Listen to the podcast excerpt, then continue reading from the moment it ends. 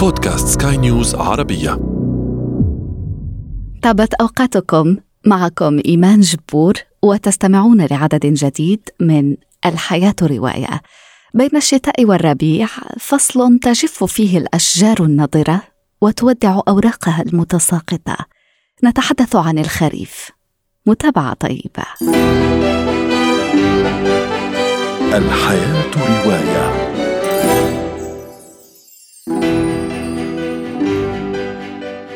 أشعر بأن حياتي مثل شارع في فصل الخريف. كلما تم تنظيفه يعود مرة أخرى ممتلئا بالأوراق الجافة الذابلة. نقتبس عن فرانس كافكا في مستهل حديثنا عن الخريف. The fallen leaves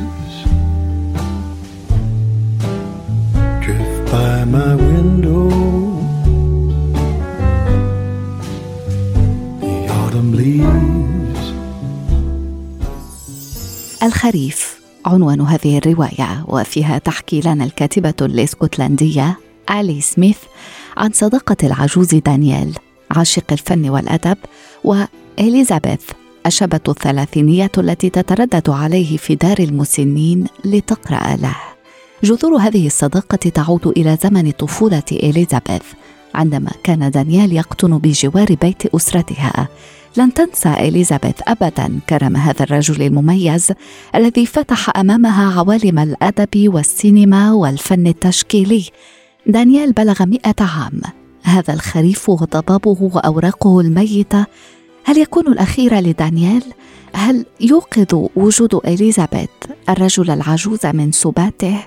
قررت أن تقرأ له. يحب الرسائل.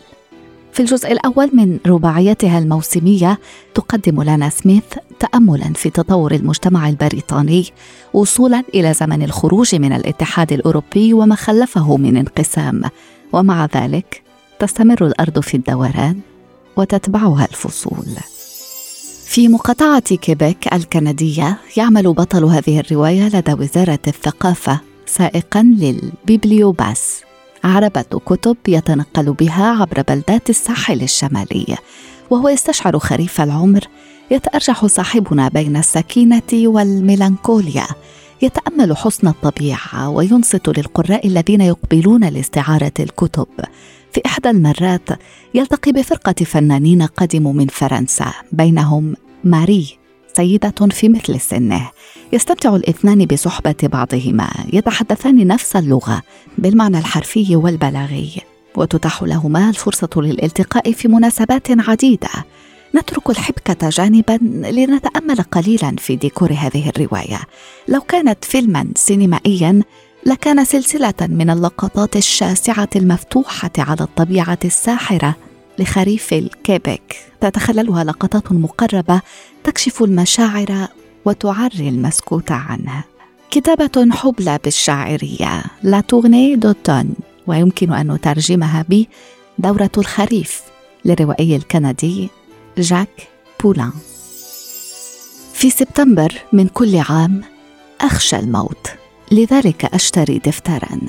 في سبتمبر يكون الأمر أكثر شراسة. سبتمبر جميل جدا شفاف جدا وأزرق جدا. عندنا هنا هو أجمل شهور السنة.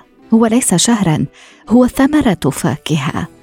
أقرأ لكم من رواية الكاتب الفرنسي غوني فريني Je me souviens de tous vos rêves. ويمكن أن نترجمها ب أتذكر كل أحلامكم. عنوان شاعري على غرار أسلوب الرواية. بين سبتمبر وفبراير يأخذنا الكاتب في رحلة تأملية على إيقاع ذكرياته ولقاءاته في متاهة الحياة يبحث عن الجمال في متاهات الكوابيس يبحث عن الأحلام يجمل الواقع بقلمه جعلا من كل سطر دعوة للتآخي والحياة. يقول فخيني لم أشعر ابدا خلال فصول حياتي بمثل هذه الحاجة إلى الصمت.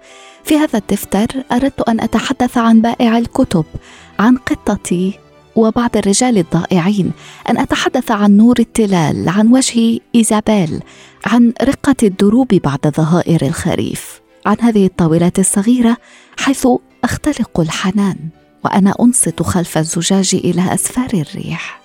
thank you الحياة رواية. وأشكركم على طيب إصغائكم. لقاؤنا يتجدد في عدد مقبل. دمتم بخير.